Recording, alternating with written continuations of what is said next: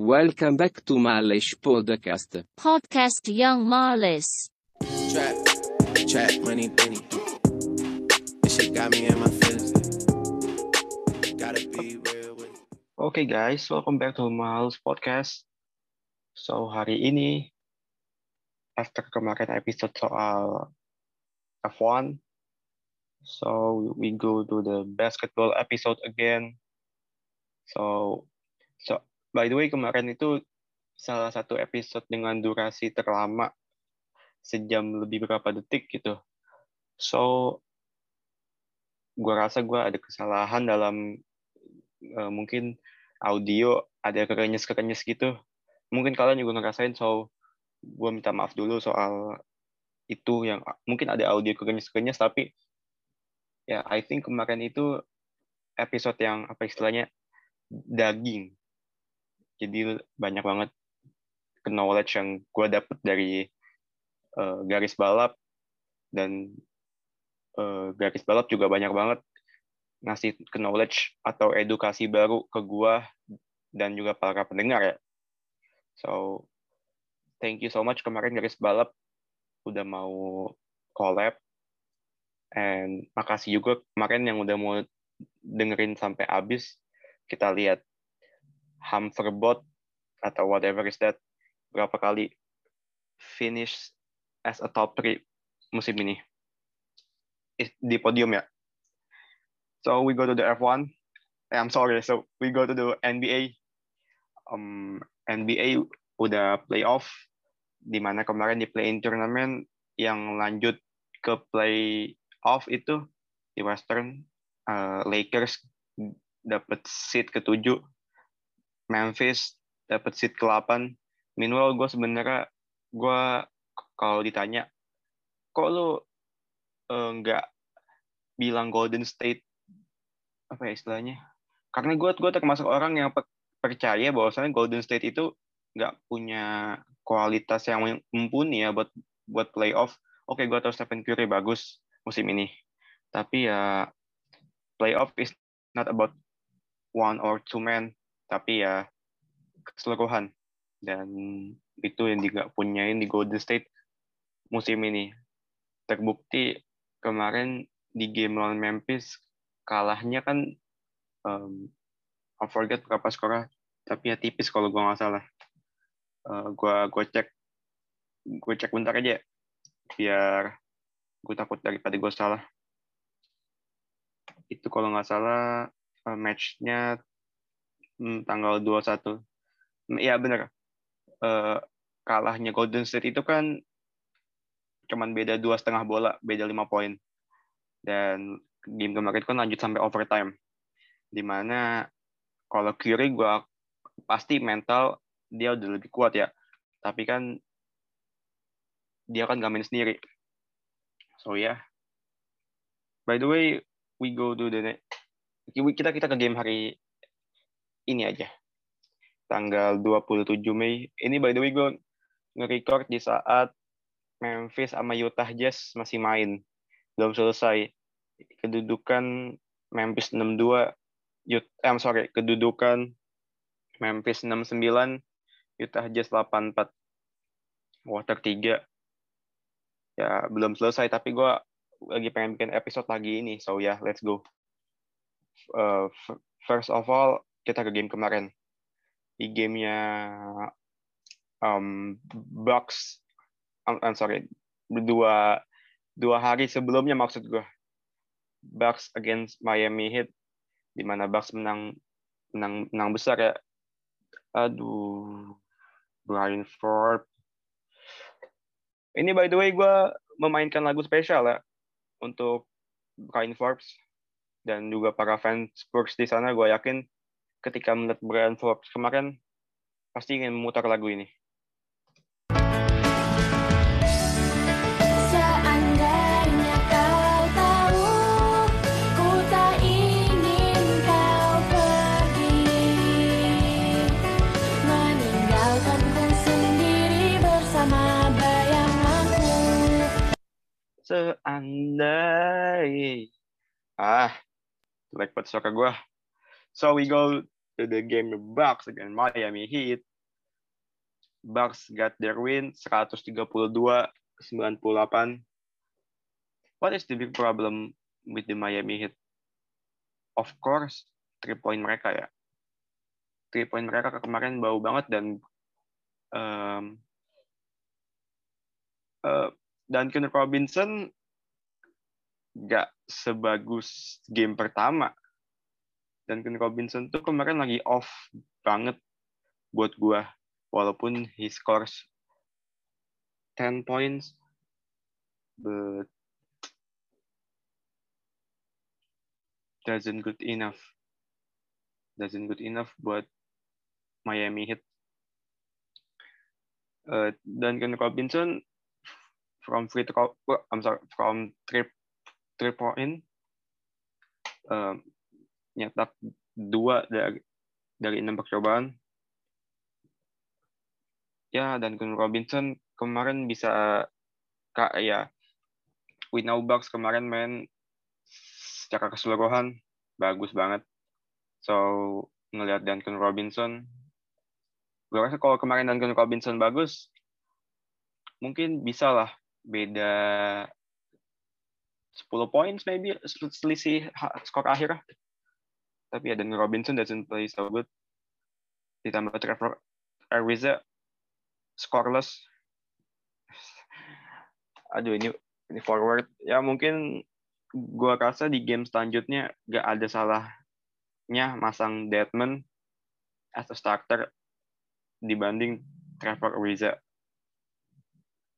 Karena Trevor Trevor Ariza di game kemarin ya ditambah juga Bam Adebayo kemarin 4 turnover So di game kemarin jelas-jelas forward sama center Miami Heat bermasalah, belum lagi masalah three point. Berbeda dengan Bucks, three point mereka harus dia harus harus gua akui di game kemarin sangat-sangat wangi. Apalagi dari Brian Forbes. Aduh. Aduh, gue lemes ngomong Brian Forbes. Aduh, ntar dulu. Nih, uh, three point field goal percentage-nya Bucks aja di atas 40 persen, 41,5 persen. Meanwhile Miami di bawah 30 persen, 28,6. Tapi yang keren juga dari statsnya Bucks, field goal percentage mereka hari kemarin, dua hari yang lalu nyentuh di atas 45 persen, nyaris 50 persen, 48,9. Berarti hampir setengah dari field goals attempt mereka mereka masukin. Dan itu bukan Gak tau ya Mike, Mike Budenholzer gimana bisa apa istilahnya nggak ngasih ngasih motivasi secara mental ya ke, ke, ke mereka. Gue nggak ngerti karena dari quarter satu kelihatan banget Bucks benar-benar menguasai pertandingan ya. Even di quarter satu pun skornya sempat kalau gua nggak salah sempat Bucks leading 46-18 di kuarter pertama. Jadi emang dari kuarter pertama uh, Bucks emang udah semangat banget dan itu yang nggak ada di Miami. Ya Miami jelas lihat kuarter satu seperti itu tuh udah ya gue rasa Eric Spoelstra juga ngerti lah. Jadi gue rasa ini game yang menurut gue disimpan sama Spolstra dalam artian untuk mengalahkan Bucks di game ketiga di Miami nanti. Let's see. Karena gue yakin uh, Eric Spolstra ini punya karena kan kalau lihat musim lalu Mike Budenholzer kan benar-benar di apa ya istilahnya kalau gue, menurut gue, gue Miami Heat itu berhasil ngekadalin Bucks secara taktik di bubble kemarin. So gue gue sangat nunggu apa kejutan yang akan diberikan oleh Spolstra di game ketiga nanti untuk menghadapi Mike Budenholzer dan juga para pemain Bucks. Lanjut ke G, dua hari game dua hari lalu uh, Denver Nuggets against Portland Trail Blazers. Sa- satu hal yang gue kulik dari game ini adalah keberhasilan keberhasilan Facundo Campaso atau mungkin Mike Malone secara taktik ya memasang satu pemain yang gua harus gua akuin. Campaso ini kan bekas pemain Euroleague ya bukan bekas maksud gua mantan pemain Euroleague dulu main di Real Madrid. Sempat main sama Luka Doncic juga di Real Madrid. Hmm, jelas secara defense dia rajin sangat rajin malah menurut gue karena apa? Ya defense Euro defense Euroleague lo tahu betapa mesti gerak badan lu semua atau melelahkan di game uh, Denver against Portland Trail Blazers ini gue rasa salah satu faktor keberhasilan juga memasang Nikola Jokic apa ya, jauh nggak di dalam paint area. Dalam artian uh, memasang Nikola Jokic di luar garis three point. Dan itu benar-benar bikin uh, center mereka Yusuf Nurkic kesulitan ya. Kesulitan dalam artian kesulitan ya karena pasti kebingungan. Ada kebingungan di Yusuf Nurkic ketika Nikola Jokic dipasang di luar di luar three, di, di luar garis three point. Dan menurut kalau nggak salah Jokic itu sangat di game dua hari lalu waktu lawan Portland ya game kedua game kedua mereka. Jokic kalau gua nggak salah kalau gua nggak salah ya dia itu agak jarang uh, nunggu di dekat-dekat paint area. Malah malah dia lebih sering keluar. Dan justru di situlah uh, Yusuf Nurkic kebingungan. Bener-bener. Ya karena lu nggak mungkin kan ngandelin Covington buat as a big man. Karena kalau ngeliat starting five-nya Nuggets pun ada pemain-pemain yang apa ya tingginya mumpuni gitu buat buat jadi forward ya ada Mike Porter Jr. ada Aaron Gordon yang bisa jadi apa ya, pengganti pengganti pemain untuk nge-rebound kalau misalkan Jokic lagi di luar. But bukan berarti Portland uh, benar-benar di benar-benar dikalahin secara telak ya. Portland ngelawan dan harus gue appreciate juga field goal percentage mereka walaupun mereka kalah harus gue akuin Portland mainnya efisien walaupun nggak seefisien Denver ya. Portland field goal percentage-nya 45 persen di mana mereka three point shot-nya di atas 45 persen juga 16 dari 33 field goal eh, three point percentage mereka 48,5 persen. But Denver Nuggets di game kemarin sangat benar-benar menggila. Dan permasalahan Portland ketika lawan Denver, mereka sangat mudah di outscoring dalam hal poin di dalam paint area. Dua game dua game terakhir mereka.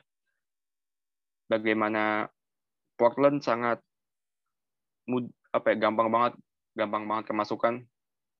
Tetapi di game pertama walaupun mereka kemasukan di game pertama di game pertama walaupun mereka kemasukan 52 dari Denver Nuggets tetapi di game pertama mereka sukses mematikan asis-asis dari Nikola Jokic. So boleh gue bilang uh, we know lah Jokic unstoppable, but Portland akhirnya main Peter gimana ngerelain Jokic menurut gue, tetapi menutup apa ya alur alur pas dari Jokic di game pertama. Di game kedua, eh, Denver ingin melakukan hal yang sama, menurut gue. Tetapi gue rasa Mike Malone lebih pintar ya memasang Jokic beberapa kali di luar garis three point. Bukan berarti di game kemarin Jokic gak ada main di paint area ya ada. Tetapi lebih sering apa kalau gue ngeliat beberapa kali dipasang di luar garis three point dan itu works effectively. Tapi uh, Jokic ini kan asis-asisnya ini kan sangat diperlukan sama Denver. Di game kemarin Jokic cuma 5 asis. Bagaimana gue ngelihat uh, pemindahan peran dalam hal asis di kubu Denver, di mana di game kemarin harus gue gue pengen ngasih shout out dulu ke Facundo Campaso dan Monte Morris. Karena di game kemarin ketika Jokic asisnya lagi nggak sewangi regular season, kita tahu Jokic kan kalau di regular season asis bisa 8, 9, 10, triple double gitu lah. But gue rasa Portland benar-benar mencoba biar asis dari Jokic ini berkurang ya. Dan beruntung di Denver Nuggets ada Monte Morris dan juga ada Kavakuato Fakuan Fakuando Campaso yang bisa istilahnya ngecover hal itu. Dan gue rasa Denver, I take Denver, Denver in six. Ya, Denver in six buat gue. Karena Portland, gue nggak ngelihat Portland punya bench yang kuat buat ngalahin Denver Nuggets ya. Ya ada Carmelo Anthony, ada si siapa uh, juara dang oh and Fernie Simons. Tetapi angin-anginan apalagi Carmelo. Ya Carmelo secara mental kuat, tapi kan dia udah tua. Ya harus ya, ya gue respect sama Carmelo but he's already old. Udah bukan masanya dia lagi. Si Jamie Column gimana? Si Jamie Column ya si Jamie Column. His play lah si Jamie. Ya dia, ya kita kan tahu dia itu istilahnya uh, support buat Dame. Dan di game dua kemarin 21 points menurut gue udah cukup tetapi mungkin kalau Dame butuh kalau Dame kalau mungkin Dame Dame butuh apa yang dinamakan um, I'm sorry, kalau Portland butuh apa yang dinamakan senjata rahasia, mereka harus, gue rasa harus minta itu atau berharap itu dari Covington sih menurut gue ya secara pribadi. Lalu kita pindah ke game selanjutnya uh, Boston Celtics again Nets.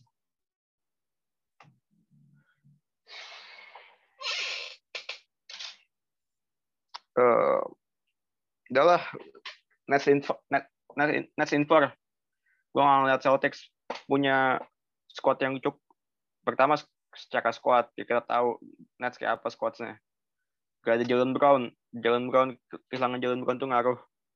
Karena menurutku Jalen Brown tuh salah satu pemain paling konsisten. Maksud gue konsisten dari kuarter satu sampai kuarter empat. Gak bukan secara offense doang ya.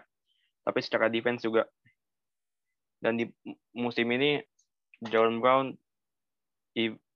Jalen Brown itu field goal percentage-nya musim ini 48,4 persen. Dan juga poin per gamenya 24,7 dan kehilangan satu buah faktor ya, kan salah satu pemain penting ya. Pemain yang sangat penting di kubu di kubu Celtics udah cukup bagi Nets. Dan menurut gue slow start Nets di game pertama kemarin itu itu bukan problem, itu melainkan adalah Celtics ini kan udah main di play-in turnamen. So mood playoff mereka udah on dong secara ini. Tetapi kan Nets belum. Nets baru main.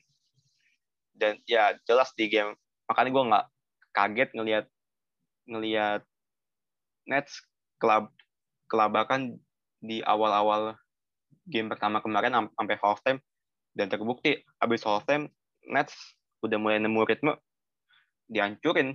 Dan gue rasa ini sampai sampai game 4 terbukti di game kedua kemarin Nets juga berhasil ngancurin Celtics 130 108 Ma abis ini main di kandang Celtics. Ah I think easy win. Bukan bukan, bukan easy win. I think Nets gonna take the win.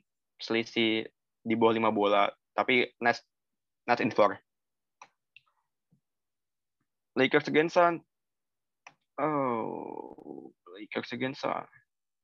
Game tight ya buat series ini. Satu-satu. Anthony Davis. Tapi ya kalau kita gini ya Chris Paul kan cuma main bentar ya. Gue rasa itu pertama faktor di mana fak, apa ya faktor yang bikin Phoenix Suns gak sebag gak kayak game pertama. Pertama karena nggak ada Chris Paul. Menurut gue ya pribadi karena Chris Paul itu penting sekali bagi Phoenix Suns. I'm sorry Chris Paul cuma main 23 menit atau 22 menit sekitar segitulah. Dan juga eh mungkin ini agak out of box ya. Jack Crowder itu kan kemarin eh bubung puyuhnya ke ketendang sama Davis. Dan terbukti akhirnya dia akhirnya kemarin cuma main 29 menit. Jujur ya karena gue juga cowok gue tentunya pasti merasakan ya betapa sakitnya itu. Dan ya gue rasa dari situ udah apa ya udah agak ngeri-ngeri juga Jerry Crowder itu unpop unpopular. Ya tapi begitu ya, ya. Ya I know dia pemain NBA tapi dia, dia juga manusia. Lu lu ketendang kayak gitu? Apa enggak apa ya secara bukan metal apa kayak pasti ada bekas-bekas kayak rada-rada takut gitu sak ya walaupun dia pemain NBA tapi tetap aja dia manusia. Dan ya luck. Luck banget lah kemarin Lakers tuh. Hoki banget itu, itu, itu Davis. Tapi tapi Davis. Ah oh, come on Davis. Kenapa tendang di bagian ujung? Aduh. Aduh. Aduh, aduh Davis. Aduh kebayang gue jangan jangan ah. Uh. aduh. Devin Booker Devin Booker play good game. Biasa mantan Kendall Jenner. Bagus banget nih orang mainnya. Tetapi ini orang mager. Rebound. Come on. Devin Booker jangan malas-malas lu. Tapi menurut gue Devin Booker ini di game kemarin unguardable ya. Bener-bener gak bisa dijaga. Ya tapi Phoenix Suns kan kemarin ya itu kehilangan Chris Paul. Dan juga Jay Crowder yang mainnya kemarin agak agak-agak gimana gitu ya. Mungkin karena ketendang itunya so ya Devin Booker jadi kurang begitu gimana gitu. Walaupun dia main dapat 31 points. But satu hal yang unik dari Devin Booker kemarin di game kemarin dia sama sekali loh nggak ada nggak ada tembakan three point dia yang masuk. Beneran. Dari tiga percobaan nol yang masuk. Tapi free throw dia banyak banget masukin kunci buat Suns apa? Kalau mau menang di game ketiga di kandang Lakers.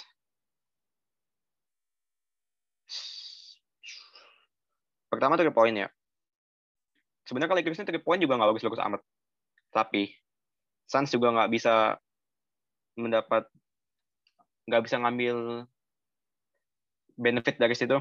Karena di game kedua kemarin Suns cuma nyetak 8 dari 26 percobaan. So oh, rebound PR ya? Masalah rebound. Karena kita tahu Lakers itu kan banyak pemain-pemain big size ya. Kalau rebound aja sering kalah sulit gua rasa. Dan tentunya ketenangan saat offense itu yang gua menurut gua kalau nggak ada Chris Paul sulit. Lakers gimana? Lakers bagus harus diakuin tapi Caldwell Pop itu kan kemarin scoreless ya? Menurut gue udah saatnya Caruso pantas jadi starter. Dan untuk para benchnya Lakers please step up.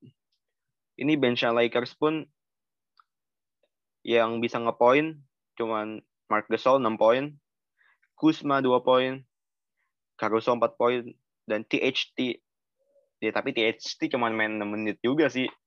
Ya kita nggak bisa nyalain dia juga. Tapi ya gitu benchnya harus step up. Dan di game kemarin gue harus ngasih shout out ke Andre Drummond ya. Double double di game kemarin dan juga Davis pasti ya Davis pasti dan mungkin yang nggak dilihat dari orang faktor Dennis Schroeder di game kemarin penting ya di mana uh, field goal percentage dia kemarin 50%, 8 dari 16, dan juga Brown, ya LeBron James, we know lah. LeBron James 23 poin. Ya, begitulah. Ya yang yang gue tekankan tadi, kalau Lakers mau dapetin series ini, bench mereka harus step up, yang namanya Kuzma, Caruso, THT, Wesley Matthews harus banget step up. Gak usah double digit. Gak usah double digit. Yang penting um, cukup cukup cukup 7 8 poin lah. Yang penting bisa yang penting dari bench bisa 15 20 points udah lumayan banget buat Lakers ya. So to the game Dallas again Kawhi, eh again Kawhi, again Clippers. Um, ketinggalan 0-2 Clippers. Gue nggak pernah meragukan Tyron lu. 0-2 ini Dallas Mavericks harus diakuin di game kemarin lebih siap ya. Dan banyak pem, uh, tiga pemain Dallas on fire. Eh, pertama jelas suka Doncic, Tim Hardaway, Tim Hardaway Junior, juga Kristaps Porzingis. Mineral and Clippers, apakah Clippers gak, gak step up? Sebenarnya step up sih. Even kayak Jackson Jackson pun, sorry, 15 points, Kawhi 41 points, Paul George yang dibilang pandemic 28 points, tetapi uh, how to say it ya, nggak konsisten, bener, bener kan? Mereka ini apa ya secara offense suka nggak sabaran. Langsung take up pull up shot apalah. Dan terbukti di di ini three point mereka Clippers itu cuma nyetak 13 dari 33 39,4 persen field three point percentage mereka berbeda dengan Dallas Dallas ke- kemarin three point percentage-nya eh 52,9 persen. So ya jelas Dallas di game kemarin lebih menguasai. Tapi apakah Dallas udah aman? Belum. Belum. Tyron lu jangan ada hati-hati sama Tyron lu. Tapi Clippers juga harus tobat juga ya. Jangan apa keseringan ngambil pull up shot yang nggak perlu menurut gue. Padahal bisa sabar. Bisa sabar bikin pola dulu apa tapi langsung di pull up aja. Nggak tahu apa yang harus dilakukan Tyron lu agar anak-anak Clippers ini mau bersabar. Dan juga Pat Bev ya, come on Pat Bev, lu defense yang bener dong. Dikput gue Pat Bev. Go to the next game. By the way, di eh, sampai jam sekarang kedudukan Memphis lawan Utah Jazz, Jazz lead- leading 105-97. Ini menit keberapa lupa. Ini pokoknya gue bikin episode di saat Utah Jazz lawan Memphis sedang bermain. Go to the game Atlanta Hawks again New York Knicks. Ini game yang seru ya. Gue feeling gue sangat mungkin mereka nyampe game 7 Atlanta Hawks New York Knicks. Kenapa? Karena mereka ini kan squad menurut gue squadnya eh, fif- rata sama rata 50-50 secara kekuatan. Reggie Bullock, Julius Randle, RJ Barrett, Noel dihadapin sama Trey Young, Bogdanovic, Hunter Capella.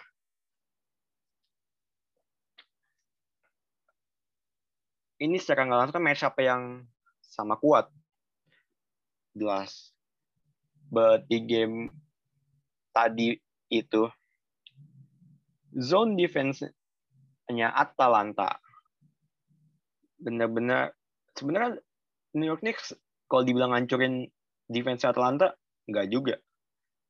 Even di game pertama pun Knicks pun kesulitan menghancurkan zone defense Atalanta.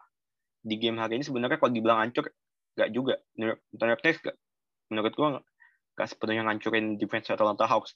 But di Atalanta Hawks pun banyak open look yang menurut gua harusnya bisa masuk.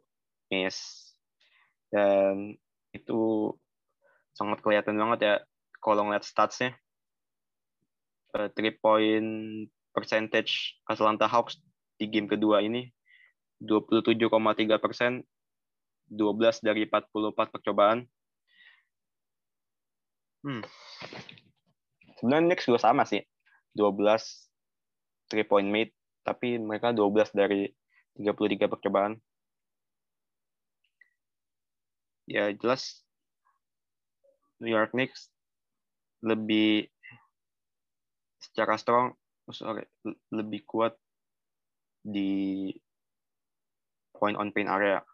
Jelas New York Knicks sangat menguasai dan dari field goals attempt pun 94 field goals attempt, 36-nya made.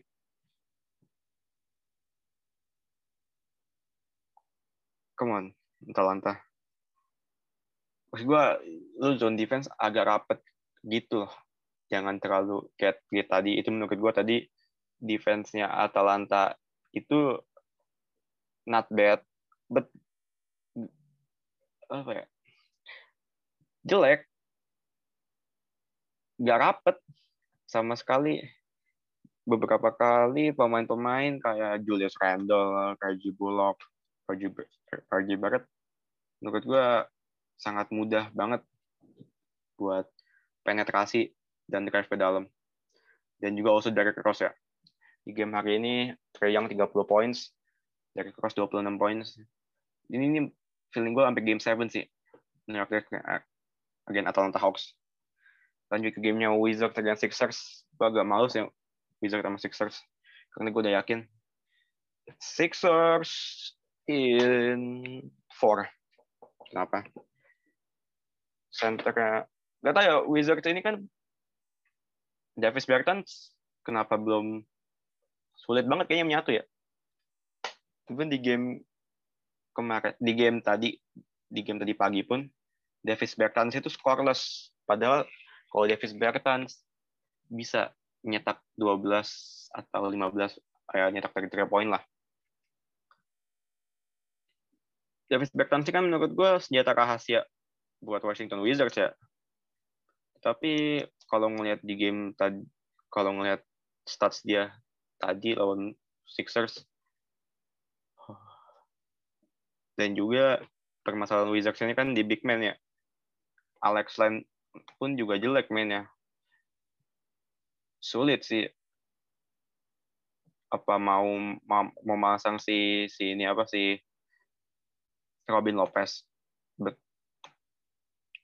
dia kan harus jaga ya buat gue tahu menjaga Joel Embiid gak mudah. Tapi kalau kalau ketemu tim segede Sixers dan center lu kesulitan kesulitan dalam hal scoring ya maybe ya nama juga center ya. tapi sangat kesulitan banget. Big man Wizards dalam nggak cuma dalam points ya dan juga dalam rebound. Ya gue tahu jaga Embiid gak mudah. But if you if Wizards want to win ya mereka harus lebih kerja keras dalam hal rebound. Big man big man mereka terutama ya Bradley Bill seperti biasa playing a good game 33 points.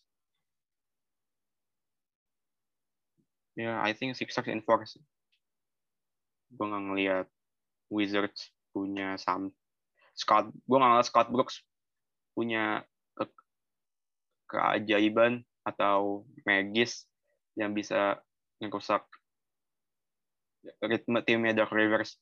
Malah gue ngeliat di game ini Dark Rivers malah enjoy enjoy banget malah menurut gue oke okay. itu tadi episode hari ini thank you guys for listening kalau kalian suka, ya monggo di-share, harap di-share. Kita bakal ketemu lagi di episode about final UCL mungkin. By the way, thank you semua yang udah mau dengerin. Bye-bye. Wait, sebelum uh, sebelum bye-bye, um, I just wanna say that gue kemarin sebut bikin story di mana gue bilang lima atau enam tim yang lima atau enam dari delapan tim yang kalah di game pertama akan go to the next round. Apakah tebakan gue bener? I don't know. But yeah, thank you for listening guys, and bye-bye. down. that